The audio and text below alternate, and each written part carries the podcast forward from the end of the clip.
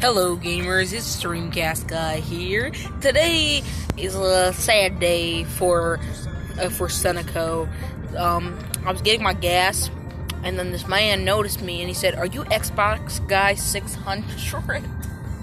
And I was like, "I'm not Xbox Guy 600. Are you Xbox Guy 600?" And then I was, and so then I slapped the man, and I said, "I'm Dreamcast Guy, and you should go eat a rock." Goodbye. That is Dreamcast Guy tells people to go eat rocks podcast.